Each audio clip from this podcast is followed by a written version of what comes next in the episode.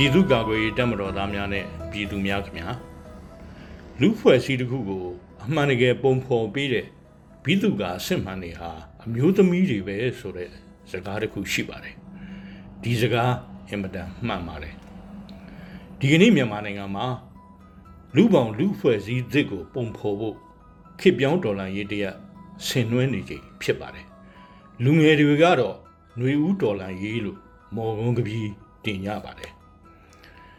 မြမနွေဦးဒေါ်လာရေးမှာလည်းအမျိုးသမီးတွေဟာအမျိုးသားတွေနဲ့ရင်မောင်တန်းပြီးရှေ့တန်းက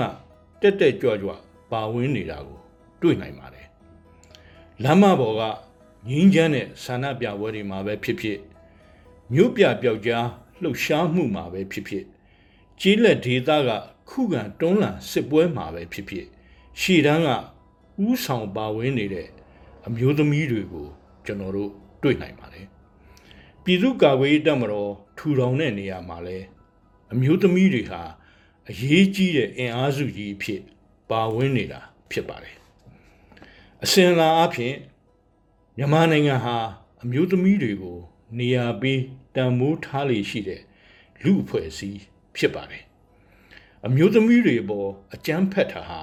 အလွန်ဆိုးရုပ်တဲ့လူကျင့်ဝတ်စည်းကမ်းဖောက်ဖျက်မှုအဖြစ်မှတ်ယူပြီးဖြစ်ပါတယ် ဒီပြစ်မှုမျိုးကိုဥပဒေကလည်းခွင့်မလွတ်သလိုလူအတိုင်းဝိုင်းကလည်းလက်မခံပါဘူးတော်လန်ရေးကာလတစ်ခုကိုဖျက်ဆီးနေရတဲ့ကျွန်တော်တို့နိုင်ငံမှာအမျိုးသမီးတွေအပေါ်ကြီးမားတဲ့အန္တရာယ်တစ်ခုကြာရောက်နေတယ်လို့ပြောနိုင်ပါတယ်ဒါကတော့ကျွန်တော်တို့ရင်ဆိုင်နေရတဲ့စစ်အုပ်စုဟာကျင့်ဝတ်မဲ့စီကံပြည့်ယုံတာမကအမျိုးသမီးတွေအပေါ်ကိုယ်ထိလက်ရောက်ကျူးလွန်စော်ကားလေးရှိတဲ့ အကျန်းဖက်သမားတွေအဖြစ်နာမည်ပြက်နေတာပဲဖြစ်ပါတယ်ပြည်သူ့ကာကွယ်ရေးတပ်မတော်နဲ့ဒေသခံပြည်သူ့ကာကွယ်ရေးတပ်ဖွဲ့တွေအနေနဲ့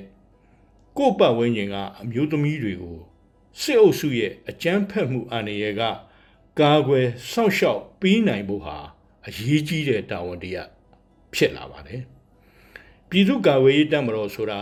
တရားဝင် ပြည်သူအစိုးရကတည်ထောင်တဲ့တရားဝင် တပ်မတော်ဖြစ်ပါတယ်ကျင့်ဝတ်ယူသည်မှုစီကံရှိမှုအရာမှာ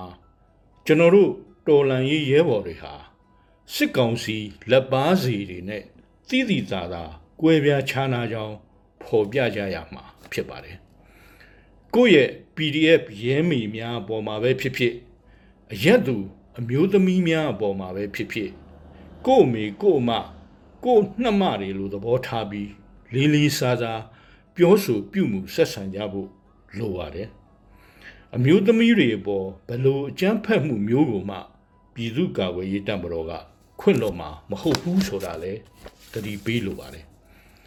ဒီနေ့နိုဝင်ဘာ25ရက်ကစတင်ပြီးတကဘာလုံးတိုင်းတာနဲ့အမျိုးသမီးတွေအပေါ်အကြမ်းဖက်မှုအဆုံးသတ်ရေးဖဲကြိုးဖြူလှုပ်ရှားမှုကို16ရက်တာဆင်နွှဲသွားကြဖို့ရှိပါတယ် ပြည်သူ့ကာကွယ်ရေးတပ်မတော်သားတွေအနေနဲ့လည်းဒီလှုပ်ရှားမှုမှာတဒတအားပါဝင်ဆင်နွှဲသွားကြမှာဖြစ်ပါတယ်အမျိုးသမီးတွေအပေါ်အကြမ်းဖက်မှုများအဆုံးသတ်ရေးအတွက်ကျွန်တော်တို့အားလုံးမှာတာဝန်ရှိပါတယ်အထူးသဖြင့်အမျိုးသားတွေစွမ်းဆောင်နိုင်ပါတယ်လို့ပြောလိုပါတယ်ကျေးဇူးတင်ပါတယ်